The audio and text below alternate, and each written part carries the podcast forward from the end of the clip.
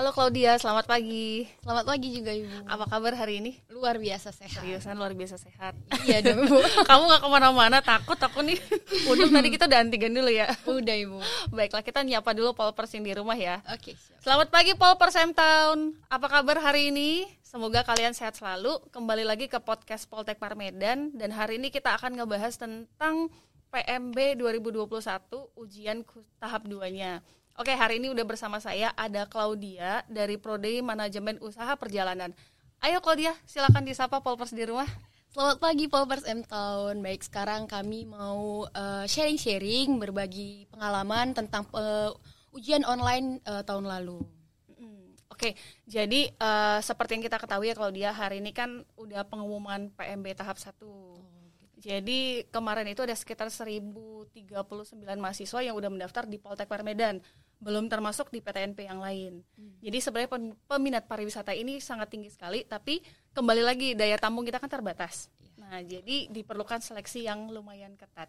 Oke, jadi seleksi pertama kemarin kan eh, sama seperti kalian tahun lalu. Kalian tahun lalu online kan ya? Iya benar Ibu. Iya, jadi eh, Claudia boleh diceritain dikit nggak sih kira-kira eh, PMB tahun lalu itu kamu bingung nggak gitu? Karena kan baru kita terkena pandemi COVID, terus yang biasanya ujiannya tertulis, datang ke kampus, tiba-tiba online.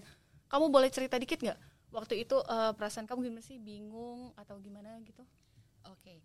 Kalau ditanya soal bingungnya pasti kita bingung gitu kan karena kan eh, yang biasanya kita bertatap muka secara langsung mendapatkan informasinya secara langsung dari eh, pemberitahunya tapi kita kini lebih dilatih untuk lebih sering membaca gitu kan. Jadi kita informasinya itu kalau yang kemarin itu lebih didapat dari Instagram Politeknik Negeri Pariwisata Medan. Kalau untuk bingungnya eh, nggak bingung sih karena admin dari Politeknik Pariwisata Medannya itu memberi informasinya yang cukup detail gitu dan kalau misalnya kita mau bertanya gitu eh, apa yang kita kurang paham mereka juga cukup cukup je- detail dan cukup cepat juga untuk menjelaskan eh, tentang pertanyaan kita itu ibu. Oh gitu. Eh, terus kira-kira ya menurut Claudia dari tahun lalu eh, informasi paling cepat itu dari Instagram, dari website atau dari call center? Eh, kalau kita dapat dari Instagram baru mereka memberikan yang namanya kontak person gitu. Ada dikasih kalau tidak salah tiga tiga kontak person. Jadi kita eh, tanya sama mereka kalau misalnya yang per- kontak person yang pertama eh, kira-kira slow respon kita bisa hubungi kontak person yang kedua. Tapi eh, dari yang pengalaman Claudia itu dapat informasinya tuh dapat ibu Berarti intinya mudah ya. Iya, Nggak- benar. Kamu tuh nggak harus susah gitu ya. enggak sih Terus kalau pemakaian websitenya sendiri gampang nggak? Kan semuanya online tuh dari cara mendaftar sampai upload surat. Susah nggak? Kalau yang kemarin itu ada kendalanya cuman yang di Telegram doang, cuman itu kendalanya di pribadi sendiri bukan di websitenya gitu. Kalau misalnya kita mau mengupload video tentang eh, pribadi itu eh, usahakan kalau misalnya handphonenya itu bisa mencukupi penyimpanan, Bu. Cuma di situ doang. Oh berarti di storage handphone Iya, ya. benar. Oke, berarti eh kalau dia karena ini tahap 1 dan tahap 2 sudah berlalu, eh salah, maaf, tahap 2-nya sedang berjalan. Maksud saya tahap 1 yang terdiri dari raport dan psikotes itu kan sudah berlalu. Nah, hari ini kita mau detail nih biar polpers di rumah, calon polpers tepatnya lebih mudah untuk menjalankan ujian tahap 2. Oke, kita bahas yang pertama ya Claudia ya. Jadi eh, sekarang itu kan harus juknis pemeriksaan kesehatan. Nah, jadi polpers di rumah, kalian itu sebenarnya jangan pusing, jangan takut, jangan bingung karena sebenarnya untuk semua alur itu sudah ada di website dan kalian boleh download di sbmptnp.kemenparekraf.go.id di bagian alur. Nah, jadi kalian cukup baca dan ikutin semuanya, tapi kalian tenang juga, hari ini kita akan bahas bersama Claudia. Oke, Claudia, eh, tahun lalu kan kamu itu tes kesehatannya di mana? Kalau tahun lalu itu di rumah sakit umum. di Medan. rumah sakit umum di Medan. Iya. Oke. Eh, menurut kamu nih ya, kalau apakah aspek-aspek yang kita minta di kesehatan itu terlalu ribet nggak sih? Kalau dibilang terlalu ribet sih enggak, Bu. Karena kan memang eh, memang itu yang instruksinya. Jadi kalau misalnya datang ke rumah sakit memang ada langkah-langkahnya gitu dan sesuai gitu juga sama yang eh, diminta sama yang kita datang ke rumah sakit juga nggak terlalu sulit sih. Berarti eh, cukup mudah ya. Iya, Bu. Oke, jadi teman-teman di rumah untuk tes kesehatan, kalian jangan bingung, kalian cari saja laboratorium atau rumah sakit umum yang terdekat dengan kalian gitu. Jadi eh, nggak usah dipusingin. Misalnya eh, saya harus ke rumah sakit ini nih gitu, nggak usah gitu. Kayak kalau dia kan lebih dekat ke Pirngadi. Iya, Jadi kalau dia ke Pirngadi gitu kan, nggak apa-apa ya kita mention merek karena ini juga rumah sakit umum daerah gitu. Jadi carilah yang dekat dengan kalian yang bisa memenuhi semua kriteria yang kita minta sesuai dengan alur. Oke, terus Claudia berikutnya hasil kesehatan oke. Nah, terus tahun lalu tuh ada nggak sih teman-teman Claudia yang kesulitan gitu kan? Kadang ada rumah sakit yang nggak mau gitu ngisiin gitu. ada juga yang bingungnya itu eh, karena miskomunikasi dengan rumah sakitnya. Jadi kalau misalnya untuk mempermudah itu memang dari awal kalau misalnya kita udah datang ke rumah sakit, kita harus tanya juga langsung ke dokternya atau misalnya ke bagian informasinya biar nanti waktu di endingnya waktu pengambilannya itu langsung udah selesai gitu. Jangan nanti waktu udah kita udah periksa kesehatan karena kan nggak tahu juga nih dokternya ada yang kayak udah pergi atau misalnya apa jadi eh, harus dari awal itu harus dari pemberitahuannya dulu untuk mengisinya gitu. Baiklah. Jadi eh, teman-teman pengalamannya Claudia bisa kalian pakai untuk kalian terapkan untuk ujian tahap 2 ini. Oke Claudia, terus selanjutnya kita Juknis pembuatan video informasi diri. Ini menarik nih. Ayo Claudia coba agak dirapatkan ke mic. Coba Claudia, kamu cerita tahun lalu kamu buat videonya itu kayak apa sih? Kalau tahun lalu itu sekitaran kemarin kan dibatasin itu dua menit gitu dua menit itu. Karena kalau kelamaan nanti jadi podcast. Iya juga. Kalau kemarin itu eh, udah dikasih juga sih instruksinya apa-apa aja yang udah di harus di eh, harus diucapkan dalam video itu. Yang pertama itu eh, greeting gitu kan, ucapan salam dulu yang penting. Terus yang kedua perkenalan diri seperti nama asal dari mana gitu. Yang ke selanjutnya itu nomor seleksi bu, Oke. nomor seleksi. Terus selanjutnya itu eh, kenapa kita memilih jurusan tersebut gitu.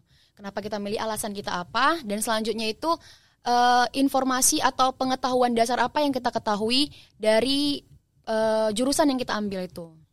Gitu. Gitu. Terus berarti tahun ini masih ada pertambah eh, ada penambahan sedikit. Itu ada cita-cita setelah lulus kuliah.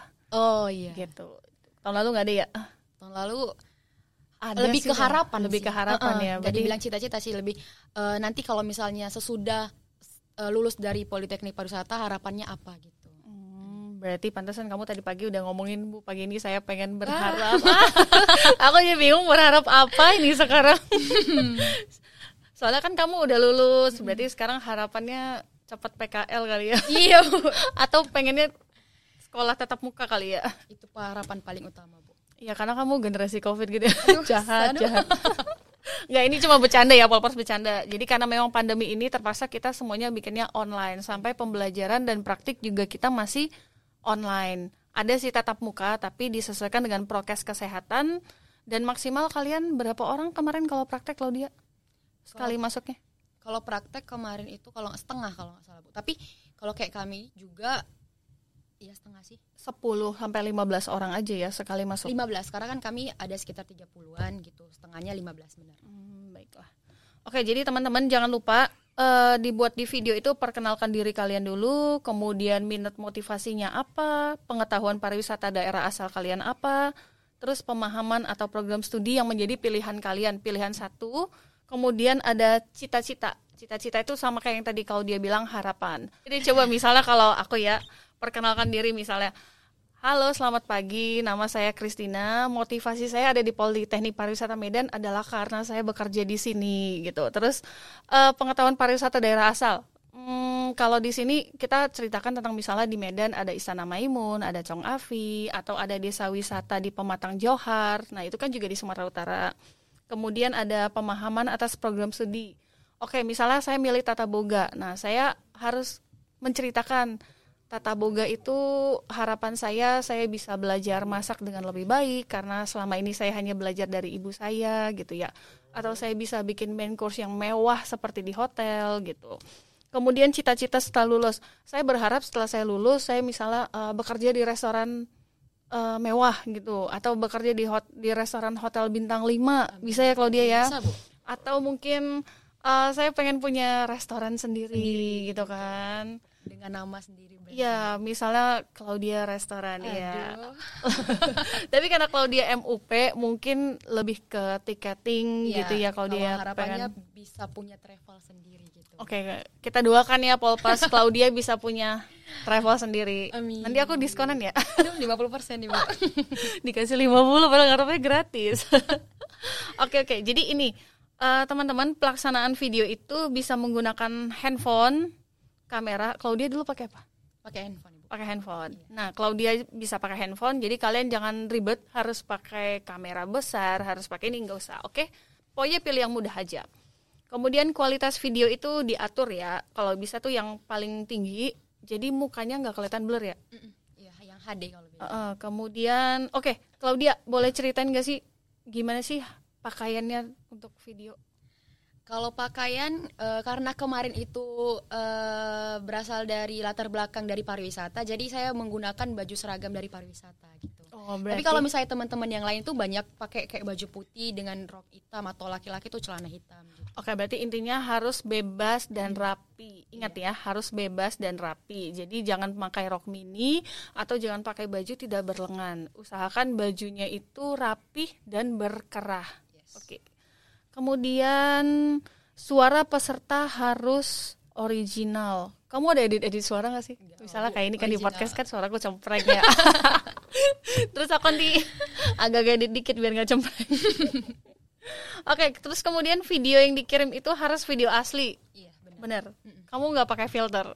Enggak, biar langsung mulus gitu. Karena kemarin masih pakai handphone yang lumayan mendukung ibu filternya. Oke oke. Okay, okay. Jadi tolong diusahakan uh, wajah itu jangan difilter, hmm. terus jangan over exposure gitu ya, jangan berlebihan lah pencahayaannya. Pokoknya muka kalian terlihat jelas.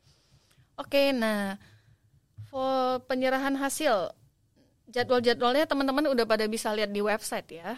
Terus, oke, okay. kamu kirim videonya pakai apa tahun lalu? Tahun lalu dari Telegram, Ibu. Oh ya, sama. Berarti tahun ini juga pakai Telegram ya, teman-teman. Jangan lupa. Kok jadi endorse bukan endorse sih, tapi emang karena itu paling gampang. Iya. Terus Claudia, kamu ada pengalaman yang lucu gak sih ujian tahun lalu? Pengalaman lucunya uh, apa ya? Waktu pembuatan videonya sih lebihnya. Karena kan kayak lebih ke, ke ekstra gitu pengennya buatnya itu yang terbaik gitu kan jadi kayak di belakang layar ada aja yang mengganggu gitu kamu take berapa kali? Kalau take berapa kali, aduh, kayak ibaratnya kita udah lihat nih, kita udah lihat kayaknya ini udah bagus gitu. Tapi hmm. pengen mau buat lagi yang bagus karena kan kita berharapnya supaya lulus di Poltek Parmedan. Gitu. Jadi kamu ada kasih apa nggak sih? Maksud aku ada tips and trick nggak sih biar lulus? Karena kan ini pada nanyain ya. Kadang-kadang ada yang japri aku kan, bu gimana sih ya bu supaya bisa aku lulus gitu kan. Oh. Kalau aku sih cuma jawabnya yang penting kamu pede gitu. Iya benar. Ya bu saya nggak pede gitu yang penting sih kalau misalnya yang di endingnya itu kan kayak perkenalan uh, video perkenalan diri itu kayak uh, fleksibel aja waktu ngomong itu kan karena kan dosen atau misalnya yang uh, penilainya itu pasti bakalan lihat kitanya gimana gitu kan. Dan kayak ngomongnya ya biasa aja gitu jangan kayak yang dibuat-buat gitu lebih ceria gitu. Dan usahakan selalu senyum aja gitu. Pokoknya salam senyum sapa ya. Iya benar ibu. Jadi uh, kalau kamu sekarang kan udah lulus di MUP nih. Kira-kira ada pengalaman yang seru banget gak yang bisa diceritain ke teman-teman? Kalau pengalaman seru uh, serunya kan ini bagian juga yang bagian tamatan covid gitu kan bu. Jadi lebih ke online gitu Alum, cuman udah SMA nya alumni covid iya ujiannya kok ujiannya juga angkatan covid gitu ya. Bener. cuman kemarin sempat juga gitu kan uh, mengadakan yang namanya praktek secara tatap muka gitu. Dan di situ juga sih kita juga udah jumpa dengan sebagian teman-teman dan juga hmm. udah lihat gimana kampus dan jumpa juga dengan dosen-dosennya gitu.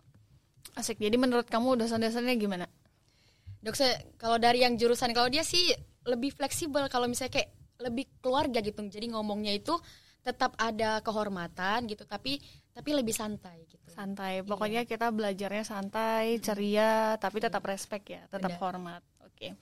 Nah, kalau dia ini kan uh, Terus gambaran contoh video tadi kita udah bahas, untuk tes kesehatan juga kita udah bahas. Oke. Okay. Nah, waktu selesai tahap kedua itu kan registrasi ulang kan. Mm -hmm. Kamu masih ingat gak sih gimana registrasi ulangnya? registrasi ulang kalau nggak salah tetap pakai nomor seleksi bu gitu Tetap upload semua berkas-berkas iya kan? berkasnya Mm-mm.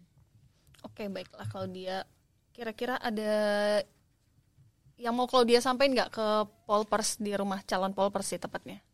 ya mau disampaikan itu ya tetap tetap semangat gitu kan. Apalagi eh, tahap-tahapannya itu dan dan usahakan itu lebih sari lebih sering itu mencari informasi lebih banyak membaca gitu. Jangan mengharapkan informasi dari orang lain gitu kan. Karena kayak kalau pengalaman juga ada temen juga gitu kan dia udah ketinggalan info gitu. Hmm. karena kurang membaca gitu. Supaya kita nanti nggak nyesel gitu kan supaya apa yang kita harapkan itu terjadi. Selain selain kita itu mengharap harus juga kita lakukan gitu. Apa yang terbaik kita banyak membaca mempersiapkan diri yang terlebih dahulu juga Bu. Oke, berarti intinya teman-teman polpers di rumah itu harus rajin membaca. Kadang kan sekarang anak-anak malas baca ya. iya benar Punya handphone dipakainya buat main ya kan?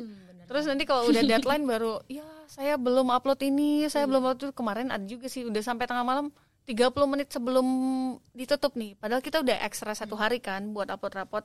Terus tiba-tiba di WhatsAppin, ibu saya belum upload, boleh nggak diperpanjang? Aduh, nggak bisa kan karena apalagi tahun ini kan kita cuma satu jalur. Kalau tahun lalu kalian ada mandiri kan? ada yang mandiri Mm, Kalau tahun ini cuma satu jalur dan itu kan semua panitianya ada di pusat. Jadi kita juga nggak bisa ngebantu banyak-banyak gitu. Oke, kalau dia kita bah kita bah jawab pertanyaan dari teman-teman dulu boleh nggak? boleh Eh satu saran tempat cek kesehatan. Ada ide nggak kalau dia cari yang terdekat ya kayak terdekat dan yang termudah juga sih Baiklah, teman-teman harus cari lab atau rumah sakit yang terdekat. Jangan menyusahkan diri kalian sendiri gitu. Jadi kalau misalnya di satu rumah sakit itu tidak bisa ngecek eh, apa yang kita minta, itu boleh kamu cari di tempat yang lain gitu.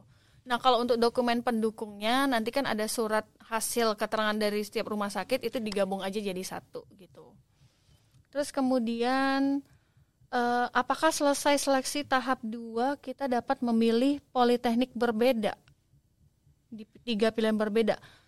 Oke, untuk pertanyaan ini tidak bisa karena pilihan itu sesuai dengan yang kalian daftar pertama. Pilihan satunya apa, dua apa, tiga apa.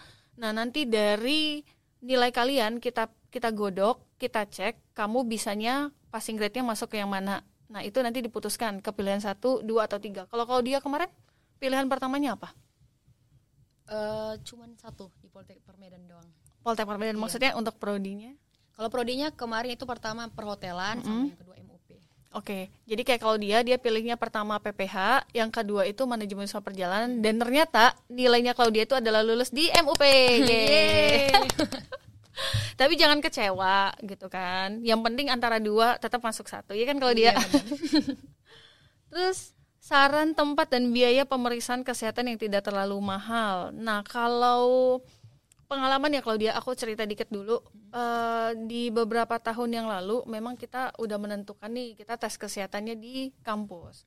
Tapi karena ada komplain dari pihak keluarga terlalu mahal segala macam dan akhirnya diputuskanlah kalian bebas ke mana aja gitu. Jadi kita kita tidak punya kepentingan apa pun gitu loh kalau dia jadi kan kemarin juga sempet kan angkatannya kalau dia juga nanyain kenapa sih nggak di kampus aja? Biasanya juga di kampus. Jadi itu penyebabnya cloud terus nah eh, pengalamannya Claudia nih dan teman-teman ada nggak sih pengaruh tinggi sama badan harus ideal pada saat kalian seleksi? Sebelum saya menjawab pertanyaan ini ya maksudnya sharing dari Claudia ada nggak? Kalau itunya sih enggak sih. Itu eh, kayaknya enggak bu Enggak ya, berarti teman-teman Claudia kan memang tidak semuanya tinggi semampai. Ya karena ada juga teman dari sekolah SMK juga yang kalau nggak salah gitu sekitaran di bawah gitu. Kalau tinggi kalau dia kan sekitar 160 gitu. Kalau dia pasti kalau dia udah di segini sekitar 140 tapi lulus juga di Poltek. Lulus juga. Oke, berarti ini jadi teman-teman sekalian polpers di rumah, calon polpers jangan khawatir. Tinggi badan memang dulu menjadi salah satu kriteria gitu kan, ada minimalnya. Tapi untuk sekarang sudah tidak ada lagi. Setiap orang boleh atau bebas untuk bersekolah pariwisata. Oke, jadi jangan panik. Gak apa-apa, tetap aja ukur tinggi badan, berat badan karena itu salah satu aspek cek kesehatan. Ya kan kalau dia Benar. Oke, terus kemudian apakah boleh menggunakan hasil tes kesehatan beberapa bulan yang lalu? Hmm, menurut Claudia gimana? Kayaknya sih enggak Bu, karena kan yang terupdate, yang terbaru. Ya, karena kondisi kesehatan itu kan berubah-ubah ya. Kadang-kadang di minggu ini kita sehat, terus minggu berikutnya kita malah Down. down. Iya. Dan ternyata kita misalnya kita nggak cek kan tiba-tiba misalnya udah ada masalah dengan paru-paru gitu kan yang paling in sekarang itu kan penyakit paru-paru gitu. Benar. Boleh di laboratorium tadi udah dijawab boleh, tinggi badan udah kita bahas. Terus nah, kalau dia ada nggak sih teman-teman kamu yang bikin video wawancara itu pakai bahasa Inggris? Atau kalau dia sendiri pakai bahasa Inggris? Kemarin pakai bahasa Inggris full dari awal sampai akhir. Cuman eh, lihat video teman juga ada yang dia dicampur gitu. Misalnya kayak di awalnya dia itu lebih ke bahasa Inggris, perkenalannya lebih ke bahasa Inggris. Terus waktu penjelasannya tentang eh, motivasi atau apa itu dia ke bahasa Indonesia. Tapi kalau kemarin pakai bahasa Inggris karena kayak lebih nilai plusnya gitu. Oke, jadi teman Polpers di rumah benar kata Claudia, kalau kalian memakai bahasa Inggris kalian akan mendapatkan nilai plus. Tapi ingat ya kan kalau dia jangan bahasa Inggris dihafal. Iya benar karena Miku aja bakalan kayak mikir-mikir gitu. Iya. Jadi biasanya kalau kalau dia lagi kayak gitu, coba kalau dibaca. Jadi nggak bisa. matanya entah ke mana gitu kan. nampak kelihatan sih. Hmm. Terus satu lagi, ada juga yang menghafal. Jadi tuh kayak yang misalkan dia duduk berdiri gini kan. Um, hello sir, hello ma'am. My name is Christine and I am from Nah, karena hafalan akhirnya matanya itu ke atas, ke kiri. Jadi eh, memang kalau memang terlihat sederhana ya, hanya mengirimkan video, tapi sebenarnya kita bisa menilai. Kita tahu gitu loh, mana yang hafalan, mana yang memang- memang, membaca, terus mana yang memang alami gitu ya kan. Kemudian untuk tes kesehatan print sendiri tadi udah kita jawab ya Claudia. Kalau Claudia print sendiri kan di rumah. Iya, print sendiri. Baiklah, terus apa lagi ya? Harusnya udah kita bahas semua ya. Atau ini teman-teman mau dibacain nggak ya itunya juknisnya? Hmm. Baiklah, teman-teman sekalian kita nggak usah dibahas deh buku pedomannya. Yang penting aku ingetin sekali lagi, tolong di-download di bagian alur, kalian baca karena sebenarnya apa yang kalian tanya itu semuanya sudah ada di bagian alur. Nah, dari Claudia sendiri apakah ada lagi pesan sebelum kita menutup podcast ini gitu. Pesannya Agak ngerapat nih. Oke. Terus semangat dong. Kan kamu Iya. biasanya semangat nih. Anggapannya aku lagi nggak ada gitu. Pesannya eh, usaha dan berdoa. Itu aja. Usaha dan berdoa. Iya. Gitu.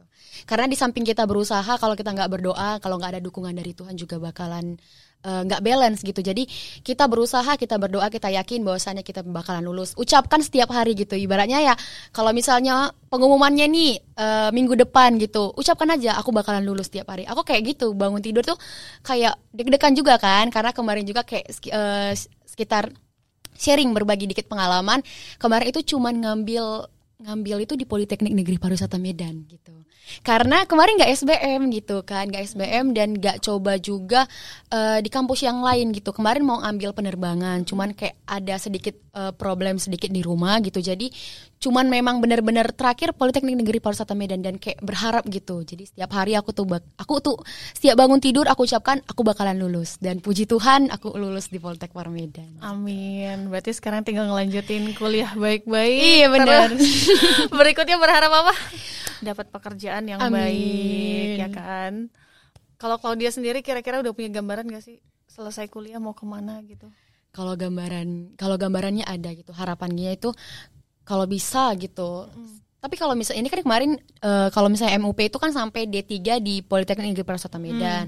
Kepengennya itu S1 dan kalau bisa sampai S2 gitu. Tapi Amin. dengan jurusan yang berbeda gitu. Jadi kayak lebih semangat lagi gitulah. Jurusan yang berbeda tapi kan nanti kamu nggak ribet gitu. Pengennya apa kalau misalnya jurusan yang berbeda nih gambarannya? kemarin sempat juga tanya ke dosen kalau misalnya ke ekonomi gitu kalau nggak ekonomi pengennya sih kemarin itu psikologi gitu cuman udah salah harus harus ngulang lagi dari awal gitu Kalau psikologi. Iya karena kayak eh, lebih untuk pribadi juga sih. Iya sih, tapi mungkin kalau aku boleh saran ya mungkin kalau kamu mau ke psikologi ke komunikasi juga dulu boleh ekstensi Komunikasi. gitu kan. Iya. Baru lanjut S2-nya ke psikologi, tapi memang udah nggak bisa ke Udah psikologi ini science eh kok science sorry. nggak bisa ke psikologi klinis gitu. Iya bisa lagi. Jadi sih. bisanya yang ke sainsnya, Iya, ke benar. pengembangan industri dan organisasi. Nah, jadi teman-teman, pengalaman Claudia dan harapan Claudia ini adalah salah satu yang menunjukkan bahwasanya ilmu pariwisata itu sebenarnya umum gitu. Jadi kalian jangan stuck misalnya kalian sekolah di tata boga nanti keluar hanya jadi chef gitu. Atau kalian di divisi kamar keluarnya kalian hanya jadi FO enggak gitu. Kalian masih bisa mengembangkan ilmu ini dan dikaitkan dengan ilmu yang lain. Karena pada dasarnya ilmu itu bermacam-macam karena saling melengkapi. Ya kan kalau dia benar bu. Ya jadi teman-teman di rumah jangan putus asa tetap semangat tetap berusaha tetap berdoa dan jangan lupa minta restu orang tua. Yes. Bener kan? Benar okay. sekali. Baiklah Claudia, sampai di sini dulu kita ngebahas tentang ini. Aku senang banget loh ketemu Claudia. Senang juga ketemu sama Ibu Christine. Karena dari awal kita nggak pernah ketemu kan? Enggak, baru first time. Waktu PSDP online juga kan? Online. Dan itu kan banyak yang tidur. Iya, jahat, sumpah. Itu udah udah pengen dimarahin kok tidur gitu. Kita udah iya. capek-capek nyiapin kok tidur gitu. Cuman karena nggak bisa disentil gitu ya. Aduh. ya. Ya udahlah coba kalau kata mau pasti udah dibangunin dia sempat bangun gitu baiklah uh, teman-teman calon polpers di rumah sama polpers sekian dulu untuk polpers corner perdana hari ini nah kita tidak menutup kemungkinan untuk polpers-polpers yang lain yang pengen ikutan kita podcast boleh gitu uh, kalian boleh daftarin diri kalian uh, ada di call center Poltekpar juga boleh terus boleh juga kasih ide misalnya uh, Bu kita mau bahas tentang ini dong di Polpers Corner. Boleh gitu. Karena kebetulan ini perdana jadi berhubungan dengan PMB kita ajaklah Claudia untuk ngebahas pengalamannya gitu. Iya. dan pengalaman Claudia juga cukup lumayan sebenarnya. Dan ingat hanya butuh membaca. Ya kan Claudia? Iya benar sekali. Oke baiklah kita tutup dulu. Claudia mau say bye bye karena aku tadi udah nih panjang lebar gitu kan Oke, okay, terima kasih buat teman-teman semuanya. Hmm. Uh, semoga apa yang udah kita sharingkan pada hari ini itu bisa bermanfaat buat teman-teman Polper semuanya gitu. Tetap semangat, tetap kan uh, tetap pokoknya tetap semangat aja. Tetap semangat. Ya. Jangan lupa usaha dan berdoa ya. Yes. Oke. Okay. Semangat terus. Sampai ketemu di Poltek Parmedan. Bye. Bye. -bye.